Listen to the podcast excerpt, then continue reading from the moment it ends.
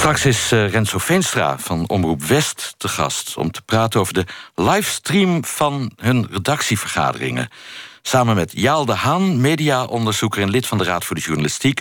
gaan we straks praten over deze vorm van journalistieke vernieuwing. In Heerenveen worden de Nederlandse schaatskampioenschappen verreden. De vrouwen zijn bezig met de 1500 meter en we houden u daarvan op de hoogte. U kunt met de uitzending meepraten. De hashtag is Argos Radio 1. Maar eerst gaan we het hebben over olie. Mariette Harjono, goedemiddag. Expert op het terrein van vervuilde olie. U deed onderzoek voor de reportage die we straks gaan horen... en u weet alles van de geschiedenis van het schip de Probo Koala, hè? Ja, nou, alles is al wel heel mooi wezen, maar inderdaad heel veel. En ik heb destijds een reconstructie gemaakt van alle gebeurtenissen die er zijn gebeurd rondom die afvaldump. Want wat was daar ook alweer mee? Iets met Afrika? Ja, het afval wat ontstaan is op dit schip de Probo Koala is na een hele enorme zwerftocht terechtgekomen in West-Afrika, Ivoorkust. We gaan het hebben over een vergelijkbaar geval, maar dan veel dichterbij. Vier jaar geleden lag het tankschip Frans Schulte voor anker voor de kust van Scheveningen. Wat daar gebeurde werd uitgezocht door Huip de Zeeuw van het Platform voor Onderzoeksjournalistiek Investico. het zijn geen ongevaarlijke processen. Het zijn risicovolle processen. Als zoiets aan land zou plaatsvinden, dan zou het omgeven zijn met regelgeving. Nederland heeft nooit gezegd: kom maar hier met die afvalstoffen. Vandaar ook de illegale import. Als laatste hoorde u Renske Macor, persofficier van het Openbaar Ministerie in Rotterdam. Ze heeft het over een strafzaak die volgende week donderdag dient tegen het Zwitserse oliebedrijf IPCO Trading. Dat bedrijf staat terecht omdat ze vier jaar geleden voor de kust van Scheveningen een illegale chemische bewerking hebben laten uitvoeren op het tankschip de Frans Schulte. Ze hebben 6000 ton nafta, een soort ruwe benzine, daar chemisch verwerkt. En die bewerking, daar gaat dit verhaal over. Het gaat om precies dezelfde bewerking als die tien jaar geleden plaatsvond op de Probo Koala van oliehandelaar Trafigura. Toen leidde dat tot een grote milieuramp in Abidjan in Ivoorkust. Die milieuramp is in dit geval uitgebleven, maar er was wel een reëel gevaar voor een explosie. Argos over een bijna ramp en illegale oliepraktijken voor de Nederlandse kust. Als we het hebben over de Frans Schulte, hoorden wij er voor het eerst van toen dat schip ergens voer in de richting van de Noordzee, in de richting van Nederland. Toen hoorde u het al? Toen hebben wij dat vernomen. En weet u nog van wie u dat hoorde? Van de internationale havenautoriteit. Dit is Roland Nieuweboer, directeur afvalindustrie en bedrijven bij de ILT, de Inspectie voor Leefomgeving en Transport. We hebben met bijna alle betrokkenen in dit verhaal gesproken. De oliehandelaar, de reder en het bedrijf dat verantwoordelijk is voor het chemische proces op het schip. Van hen kregen we schriftelijke antwoorden op onze vragen, waar we uit mogen citeren. En we spraken met een aantal nauw betrokkenen. Die moeten anoniem blijven omdat ze anders hun werk kwijtraken en in de oliebranche geen leven meer hebben. Met behulp van hun verklaringen kunnen we nauwkeurig reconstrueren wat er zich op de Frans Schulte heeft afgespeeld. Terug naar Roland Nieuweboer. De inspectie hoorde dus begin januari 2013 dat er een schip onderweg was vanuit Rusland naar Nederland. Met dit schip hè, werd van verteld er is uh, sprake van een industrieel proces aan boord. Er wordt nafta gewassen met caustic soda. Uh, dat leek zo op voorhand een proces wat ook had plaatsgevonden aan boord van de Probo Koala. Nou, we waren allemaal gealerteerd. Want na wat er gebeurd is in die voorkust willen de internationale autoriteiten toch proberen dat dit soort chemische stoffen, caustic soda, is een heel bijtend spul, gaat rondzwerven over de wereld. Zou, het zou zomaar weer gedumpt kunnen worden. Ik zeg niet dat dat de bedoeling was, maar dat zou kunnen. Dus we zaten op het vinkentouw. In augustus 2012 kreeg IPCO Trading een olieproduct aangeboden van een Russische raffinaderij. Het ging om bijna 6 miljoen ton nafta. Het product bevatte minder dan 1000 eenheden zwavel. We wilden het verkopen aan een derde partij. Dat schrijft Rosaria Carmeni, directeur van het oliebedrijf IPCO Trading, in een mail. De nafta is afkomstig van een raffinaderij in Tartarstan, een deelrepubliek van Rusland. Maar met die nafta was wel iets aan de hand. We ontdekten dat er veel meer zwavel in de nafta zat toen het product per trein al vervoerd was naar Kaliningrad. Het spul kon niet meer teruggestuurd worden naar de raffinaderij, want daar had men niet de technische mogelijkheden het uit de wagons te laden. Behandelen in de haven van Kaliningrad was geen optie, want de noodzakelijke faciliteiten ontbraken. We hebben geprobeerd het product te verkopen zonder het te behandelen, maar dat is niet gelukt. IPCO Trading heeft drie maanden lang geprobeerd om van de nafta af te komen. Maar niemand wilde het goedje hebben. En al die tijd lag het opgeslagen in wagons van de Russische haven Kaliningrad. We willen benadrukken dat als we geweten hadden wat de uitslagen waren van de analyses voordat we het product aannamen, we het nooit hadden geaccepteerd. We hebben die analyseresultaten van de nafta van de Frans Schulte. En die hebben we voorgelegd aan Michiel Marquet, chemisch deskundige. Hij werkt aan de TU Delft. Nou, dan moet ik even, even goed naar kijken, maar het gaat niet zo, uh, niet zo snel. Als ik kijk naar de hoeveelheid zwavel die erin zit, zit 14.000 in. In Nederland is dat maximaal 10 ppm. Dus 10, 10 is dus een factor uh, 140 keer te hoog. Um, gaan we eens verder kijken. Paraffines, olefines. Um, nou, dat ziet er redelijk uit. Voor de rest uh, uh, ja, zit een beetje veel uh, aromaten in. Een beetje te veel. Een beetje te veel benzine, wat is niet toegestaan. Nederland is ongeveer toegestaan 1%. Hier zit 3% in. Maar dat is alleen Nederland of Europese wetgeving. Andere wetgeving zit er iets anders in met hun aromaten. Maar het feit wat het mij meest opvalt... is de hoeveelheid zwavel. En die is gigantisch. Er zit van alles in die nafta. Maar het grote probleem, zegt Marquet, is de concentratie zwavel. Die moet omlaag. IPCO Trading schrijft daarvoor een aanbesteding uit. Wie wil voor ons de zwavel uit de nafta wassen op een schip op zee? Het Rotterdamse bedrijf Martest Cambrian reageert en zij krijgen de opdracht.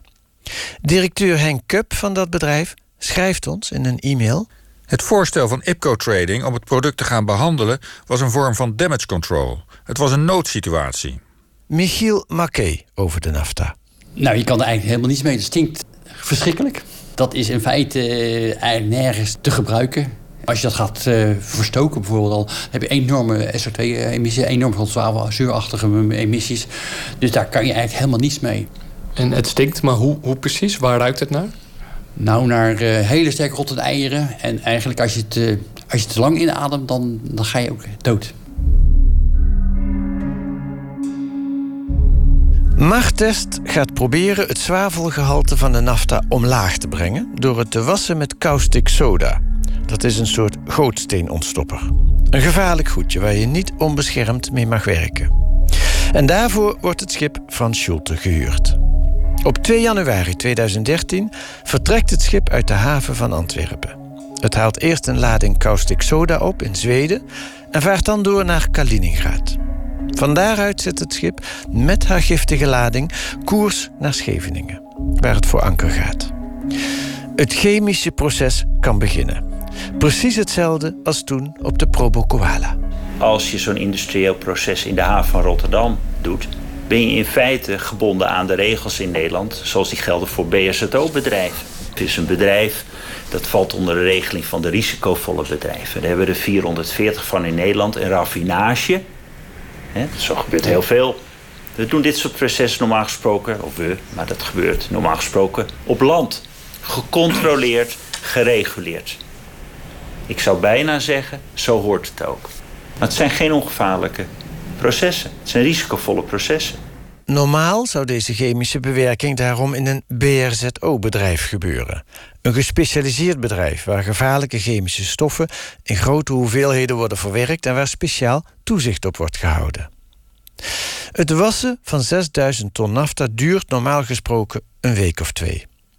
Op de Frans Schulte wordt begin januari alles in gereedheid gebracht voor de operatie. Op het dek staat een grote mixer waar twee pompen op zijn aangesloten. De een verpompt de nafta, de andere de in water opgeloste caustic soda. Met veel kracht worden beide vloeistoffen bij elkaar gebracht en gemengd. De zwavel lost op in de mix van water en caustic soda en wordt zo uit de nafta gehaald. Het proces verloopt erg moeizaam. Het verpompen en mengen duurt veel langer dan verwacht. Het wordt eind januari. Ze zijn nu drie weken bezig en de tijd begint te dringen. Elke dag extra kost IPCO Trading duizenden euro's. Dan kiest Martest voor een heel onorthodoxe oplossing. De caustic soda wordt niet langer opgelost in water, maar de nafta wordt langs de droge caustic soda geleid. We spreken met betrokkenen die absoluut anoniem moeten blijven. En die vertellen ons dat er nu een levensgevaarlijke situatie ontstaat op het schip. Wanneer we dit voorleggen aan Michiel Marquet, kan hij zich dat goed voorstellen. Want voor zo'n zogeheten droge wassing mogen er absoluut geen restanten van water zijn achtergebleven. Kijk, als de nafta watervrij is geworden en men heeft goed gewacht dat de echte fase zijn gescheiden, is dat goed eigenlijk. Want als jij dus grote stopper in je gootje stopt en je doet daar water in, dan gaat het koken. En als je te weinig water hebt, gaat het stomen. Nou ja, we begrepen dus dat dit uh, plaatsvond en dat er dus uh, de kans was op een, op een stoomexplosie. Ja, nou ja, maar dat, ja, dan, daar moet je het ook daar niet doen. Moet, als stoom kan ontsnappen, en, en, en, dat, dat, wil je ook niet, want je hebt kans dat je gevaarlijke gassen vrijkomt die, die evenveel dodelijk kunnen zijn. Dan kun je op een gegeven moment tank opblazen. En dan heb je een dubbel probleem. Dat je dus een, een, behalve dat je dus een, stoomexplosie krijgt, en stoom is heel gevaarlijk is, uh, ontwikkelde metaaldelen krijg je dan. En, en, en, en de mensen worden ook dan blootgesteld aan hoge concentratie van gevaarlijke stoffen. Van onze informanten horen we dat het misloopt met de droge wassing. De filters raken verstopt. En dan ontstaat een kritische situatie. Michiel Maquet. Wat je dan kan verwachten is het water dat gaat reageren... dat het een soort plakkaten vormt, een dikke koek gaat vormen. Nou ja, en dan betekent dat het er niet meer doorheen loopt. En dan heb je kans op dat je, als je dat toch dwingt met een pomp er doorheen te gaat lopen... dat uh, uh, je krijgt buigen of barsten krijg je dan. De pomp stopt erbij omdat het niet kan halen. Of de pomp die kan wel die druk aanleveren. En, en dan zegt het ergens, uh, kan er wat scheuren. Het proces is vastgelopen. Het filter is verstopt. De druk in de tank loopt niet op. Er is permanent het gevaar van een stoomexplosie. Als er nu een vonkje ontstaat, kan de hele boel exploderen. Michiel Marquet beschrijft wat er bij een dergelijke noodsituatie bij een raffinaderij op land zou gebeuren. Het gebeurt ook wel eens in de chemische industrie dat, dat een bepaalde reactor gewoon vastloopt. Maar dan wordt een speciaal bedrijf ingehuurd met speciale mensen die dat kunnen en mogen doen. Want dat betekent dat, dat operators in het bedrijf zijn niet opgeleid. Daar worden speciale mensen ingehuurd eigenlijk. Maar dan moet je speciale getrainde maanmannetjes voor hebben. Die moeten helemaal bepakt zijn met, met dingen. En die, die kosten wel veel geld eigenlijk wel. Maar dan weet je wat je hebt en wat je krijgt. We weten uit gesprekken met onze informanten dat in dit geval de situatie op het schip is opgelost. Op de een of andere manier hebben de operators aan boord, met de beperkte middelen die ze hebben, de filters weten open te maken. Met gevaar voor eigen leven. Eén vonk en de boel ontploft. Het inademen van een nafta-nevel kan leiden tot ernstige aantasting van de luchtwegen. En de caustic soda is een sterk bijtend spul dat in contact met de huid ernstige brandwonden veroorzaakt. Na deze innoverende gebeurtenissen op de Frans Schulte is het schip op 1 februari naar Rotterdam gevaren. Het drinkwater was op. En er moest nieuwe caustic soda geladen worden. Om het proces verder te kunnen afmaken. Daar in Rotterdam is een inspecteur van de ILT aan boord geweest. En die heeft aangedrongen op een goede verwerking van het restafval. De inspectie was namelijk bang voor een herhaling van de ramp met de Probo Koala in 2006. En dat is in dit geval voorkomen, vertelt ILT-directeur Ronald Nieuweboer. Wat ik het goede vind, is dat die nafta was gewassen met die caustic soda. Dat caustic soda, dat goedje, dat is geen parfum om het zo maar te zeggen. Dat is een heel smerig spulletje. Het is bijtend, corrosief. En mijn inspecteurs hebben de reden ervan overtuigd, zonder dat ze de bedoeling hadden om zich ervan te ontdoen, zo heet dat dan in juridische termen in de haven van Rotterdam, hebben ze toch die reden ervan overtuigd met die koala-kwestie in hun achterhoofd, om het af te geven en goed te laten verwerken bij een inrichting, een bedrijf in Moerdijk. En dat hele proces, dus dat is vanuit overtuiging hebben ze dat gedaan. En dat hele proces hebben we tot aan de poort hebben we dat gecontroleerd. En ik vind dat door die handelswijze hebben mijn inspecteurs de angel eruit gehaald. Het meest gevaarlijke goedje hebben ze van boord laten halen. Dat vind ik heel erg goed. Nieuwe Boer is trots op zijn mensen. Maar onze bronnen vertellen nog een ander verhaal. De inspectie heeft toestemming gegeven aan de Frans Schulte om vanuit Rotterdam weer terug te varen naar de ankerplaats om het chemisch proces voor te zetten. Nieuwe Boer ontkent dat. Kan ik me niet voorstellen. Nou, u kunt het begrepen hebben, maar ik kan het me niet voorstellen. Dat is ook niet wat ik heb gelezen in de rapporten. Dit verhaal kent u niet via uw inspecteur? Nee, ik ken dit verhaal uh, niet. Uh, ik kan me niet voorstellen, zeker nu, ze, nu ik de kennis die ik heb van hoe ze hebben opgetreden, kan ik me niet voorstellen dat ze dan zoiets dubbelhartigs hebben uitgevoerd als vaar weer terug de reden op. Nee, ze wilden juist zorgen dat dat goedje van boord ging. Ja, dat goedje is ook uiteindelijk van boord gegaan. Maar ehm, uiteindelijk, dat schip, wat we begrepen uit onze informatie, heeft eerst caustic soda in Zweden opgehaald in Kalmar. Toen nafta in Kaliningrad. Klopt. Toen naar Scheveningen gegaan, de operatie uitgevoerd. Ging mis. Was nieuwe caustic soda nodig. Gingen naar Rotterdam toe. Toen kwamen de inspecteurs, die hadden het schip in de smiezen. Maar toen is dus tegen die rederij gezegd, of tegen het bedrijf uh, die die operatie uh, leidde. Uh, je kan het niet in Rotterdam doen. Dus uiteindelijk zijn ze teruggegaan naar Scheveningen en hebben ze de operatie afgemaakt. Ik kan me niet voorstellen dat inspecteurs dat hebben gezegd. Nieuwe Boer kan het zich niet voorstellen dat zijn mensen die toestemming hebben gegeven. Maar een woordvoerder van de rederij waar de Frans Schulte ondervaart, vertelt ons per mail een ander verhaal. Na enige tijd is het schip de haven binnengelopen om vers drinkwater en nieuwe caustic soda te laden. En ILT gaf toen toestemming het schip terug te brengen naar de ankerplaats. De operatie was niet geheim. Hij vond plaats voor de Nederlandse kust en was gemeld bij de kustwacht, de politie en de havenautoriteiten. Dat mailt ons Henk Kup, de directeur van Martest. Het bedrijf dat de chemische bewerking op de Frans Schulte uitvoerde. Tijdens de operatie stond het schip bijna de gehele tijd onder observatie van de autoriteiten. Er werd geen wet overtreden. Als dat wel zo was geweest, dan waren er talloze mogelijkheden voor de autoriteiten om de operatie te stoppen. En iets soortgelijks schrijft ook Rosaria Carmeni, de directeur van IPCO Trading. Het feit dat de Nederlandse autoriteiten, waaronder een senior inspecteur van de ILT, nauw betrokken waren bij de operatie en erin toestemden dat ze doorgingen, en dat er supervisie was bij het afhandelen van het afval, bevestigt dat alles correct is gebeurd. Als er toen enige zorgen waren geweest over de legaliteit van de operatie en over wetsovertredingen, hadden we verwacht dat de boot vastgehouden zou zijn. Wie heeft er nu gelijk? Heeft de inspectie er toch in toegestemd dat de Frans Schulte terug is gevaren naar de ankerplaats om het chemisch proces af te maken? We vragen het nog maar eens na bij de ILT. En via de e-mail laat de voorlichter ons weten dat de inspectie wellicht toch toestemming heeft gegeven om het proces af te ronden. We citeren. Er kan gezegd zijn dat het proces afgemaakt mocht worden op zee, want het was ook niet verboden. Dat is het pas sinds januari 2014. Per 1 januari 2014 is er inderdaad nieuwe internationale regelgeving van kracht. Die verbiedt dit soort industriële processen op zee. Een regel die een rechtstreeks gevolg is van de ramp met de Probo Koala. Directeur Nieuweboer van de inspectie moet toegeven dat in 2013, ten tijde van de Frans Schulte, dit proces nog wel op zee mocht plaatsvinden. Er was geen reden tot ingrijpen. We hadden kennis van wat daar gebeurde en er was geen reden voor ingrijpen.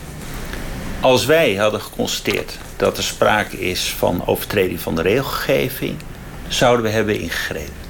Met de kennis die wij hadden, zou geen reden tot ingrijpen. Maar het Openbaar Ministerie denkt daar anders over. Justitie is een strafzaak begonnen tegen IPCO Trading. En die zaak komt volgende week donderdag voor de rechter. In de dagvaarding staan twee strafbare feiten. Renske Macor, persofficier van het Openbaar Ministerie in Rotterdam. Het Zwitserse oliehandelbedrijf wordt verdacht van het uh, illegaal invoeren, importeren van afvalstoffen. En daarbij ook het verwerken van uh, gevaarlijk afval buiten een inrichting die daarvoor vergund is. Um, dat is ernstig, omdat uh, zeker met dat verwerken van afvalstoffen buiten een inrichting de zaken ook ontrokken worden aan het toezicht. Um, Zo'n inrichting is niet vergund. Dat kan bepaalde risico's met zich meebrengen, zeker als het gaat om gevaarlijke afvalstoffen. Twee strafbare feiten dus. Illegaal importeren van een afvalstof en illegaal bewerken van die stof op zee. De rechter zal zich erover uitspreken. De woordvoerder van Bernard Schulte Ship Management, de rederij waar de Frans Schulte ondervaart, zegt dat zij zich weinig zorgen maken over de afloop van die rechtszaak. Een dag of negen nadat we in Rotterdam caustic soda hadden opgehaald, kwam er een politieteam aan boord voor onderzoek. Er werden kopieën van logboeken gemaakt. Ons werd verteld dat de operatie in de toekomst zou worden verboden. Daarna gebeurde er niets. Toen de nafta in een acceptabele concentratie was, voer het schip naar Rotterdam om het afval kwijt te raken. Ook daar kwam de politie, de inspectie en nog andere specialisten aan boord. Opnieuw vonden die niets wat ons of Martest ten laste gelegd kon worden. Na het afvoeren van het afval hebben we de haven verlaten. De lading werd afgeladen in Antwerpen. We weten niet waar hij daarna heen is gegaan.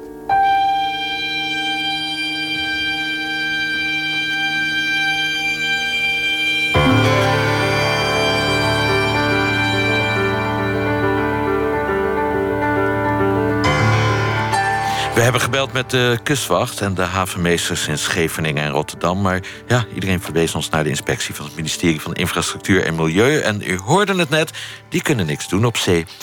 Dit was een reportage van Huip de Zeeuw van onderzoekscollectief Investico. Mariette Harjono en Kees van der Bos.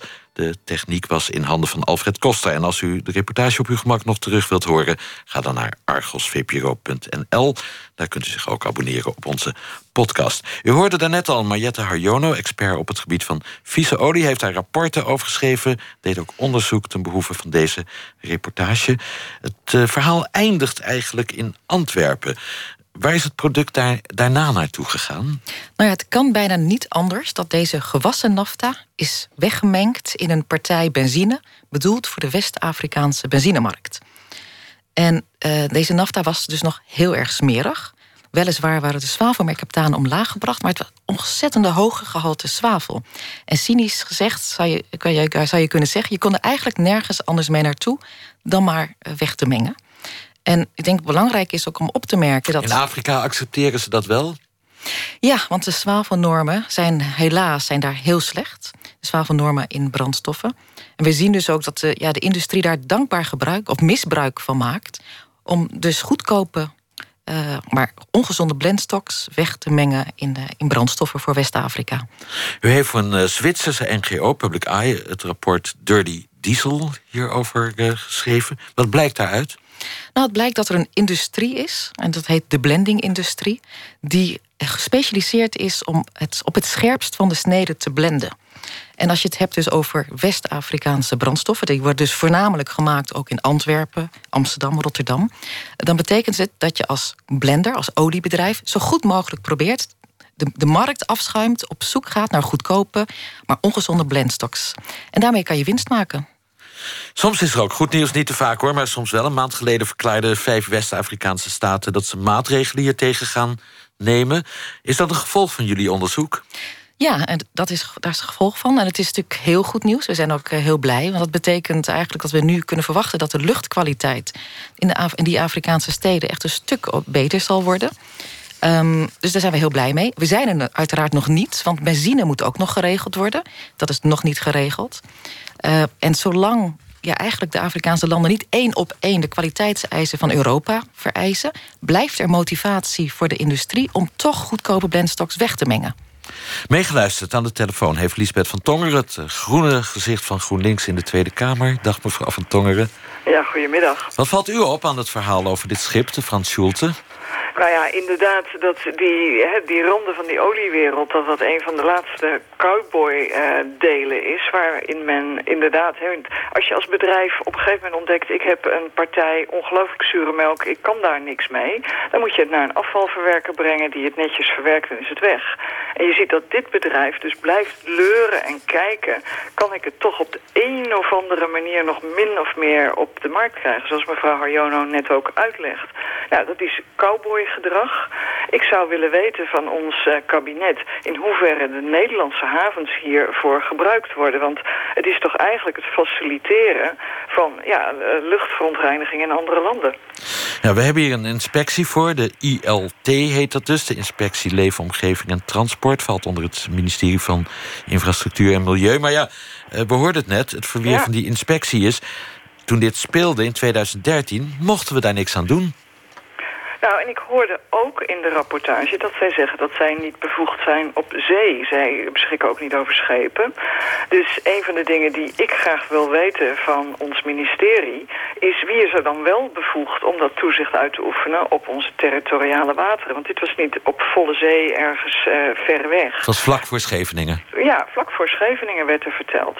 Dus daar moet iemand bevoegd zijn. Wie is het? Ik zou ook willen weten, wat is de omvang van dit probleem? Hè? Als je één keer een enorme uh, uitzondering hebt die bijna fout gaat, maar het gaat net... Allah, maar is dit schering en inslag of gebeurt dit maar zo nu en dan? Dat zou ik willen weten van de ILT, eh, van de kustwacht en van het havenbedrijf. Waarschijnlijk weet mevrouw Harjono dat. Is dit schering en inslag of was dit een incident? Dat is dus, dat is dus heel erg lastig uh, te zeggen. Tien jaar geleden deed Trafigura hetzelfde. En toen was iedereen het erover eens... oh, dat moet een uitzondering zijn. Dat zal toch niet vaker gebeuren? Nou, zeven jaar later gebeurt het weer. Nou, dat, en dat zijn gevallen waarvan we het weten. Um, ik denk dat zolang er dit soort vuile oliestromen op de markt komen... en er een industrie in geïnteresseerd is om deze oliestromen te gebruiken... Um, en terminals steeds voorzichtiger worden met deze gevaarlijke wassingen. Dat het heel goed mogelijk is dat het uh, veel vaker gebeurt, maar dat we het niet weten. Mevrouw van Tongen, is het niet raar dat uh, als je vlak op zee voor de Nederlandse kust dit soort dingen doet, ja, dat je dan kennelijk dat in een soort juridisch niemandsland doet? Dat is uh, Ik ben daar door Argos nu op geattendeerd... en ik zal daar zeker de relevante bewindspersonen op gaan bevragen. Want dat kan natuurlijk niet dat wij uh, in onze territoriale wateren... een stukje niemandsland hebben. Nou zijn die regels wel veranderd sinds 2014. En inderdaad even een compliment wel voor de ILT... dat ze dit keer geleerd hebben van de Probo zaak en in elk geval gezorgd hebben dat dat afval goed verwerkt is. Dus complimenten voor stap 1. Ja. ja, en nu moeten we stap 2 en stap 3. En wie is er bevoegd op zee? Want na de ramp bij Moerdijk ben ik zelf ook enorm bezig geweest met die BRZO-bedrijven. De, de, gevaarlijkste bedrijven die wij in Nederland hebben ja. op het gebied van chemische stoffen. Ja. Nou, er zijn allemaal stappen genomen en rapporten en monitoren en conferenties en wetsveranderingen om te zorgen dat dat op land allemaal strak in orde is. Nou, als dan vlak voor de kust van Scheveningen het een soort niemandsland is, ja, dan zijn we nog niet ver genoeg opgeschoten. Dus daar wil ik achteraan. En wat ik ook wil weten is, mag dat spul überhaupt wel in de haven van Rotterdam geïmporteerd worden? En daar weet mevrouw Harjono ook. We hebben daar allemaal wetten voor en ook Europese richtlijnen. Dat uh, bepaalde stoffen gewoon ook uh, Europa, in dit geval dan Nederland, niet binnen mogen komen. Mevrouw Harjono, wat heb je aan al die Europese regels en richtlijnen als ze niet gehandhaafd worden?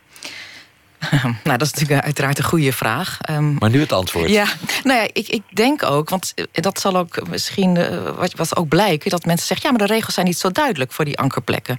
Ja, en wat er op, op volle zee gebeurt ergens denk, eigenlijk denk ik, het had gewoon, het is logisch dat het niet mag. En ik vind ook de belangrijkste les hieruit is dat je als overheid niet te legalistisch moet optreden.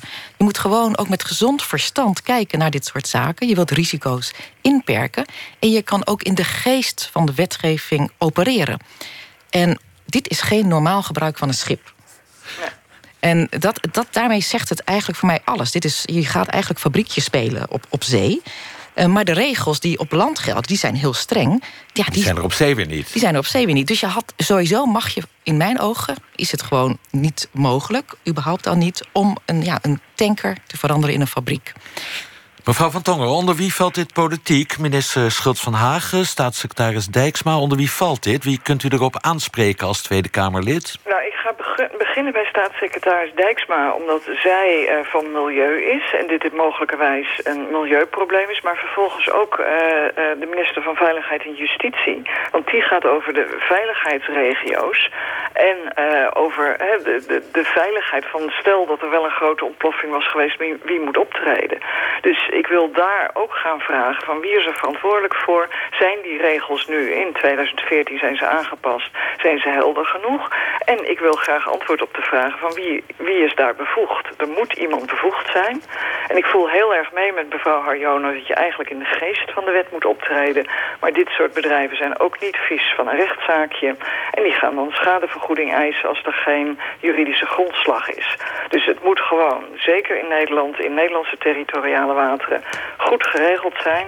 Ik ga ervan uit dat dat zo is, maar misschien niet bij alle partijen bekend. Als dat niet zo is, dan moet dat heel erg snel gerepareerd worden. Mevrouw Hajono, wie zou er moeten optreden tegen dit soort misstanden? Nou, de Nederlandse overheden. Ja, maar wie? Want u hoort het al, Veiligheid en Justitie, staatssecretaris ja, Dijksma. Maar ja, dat zal natuurlijk ook uit de rechtszaak blijken... maar inderdaad de inspectie. Want er is natuurlijk een heel belangrijk verdrag... het verdrag van Basel. En die zegt, als je met vieze spullen over de wereld gaat leuren... dan moet je daar eerst toestemming voor vragen. En ik denk dat we heel goed uh, moeten organiseren... dat bedrijven van tevoren zeggen... wij, willen, wij hebben dit spulletje hier, dit kwam ergens uit de Republiek van Rusland... we willen hiermee naar Nederland komen. Wat zijn de regels daarvoor? En nu wordt eigenlijk de Nederlandse overheid zomaar geconfronteerd. Hebben waarschijnlijk in de heat of the moment misschien niet hè, voldoende naar die zaak gekeken.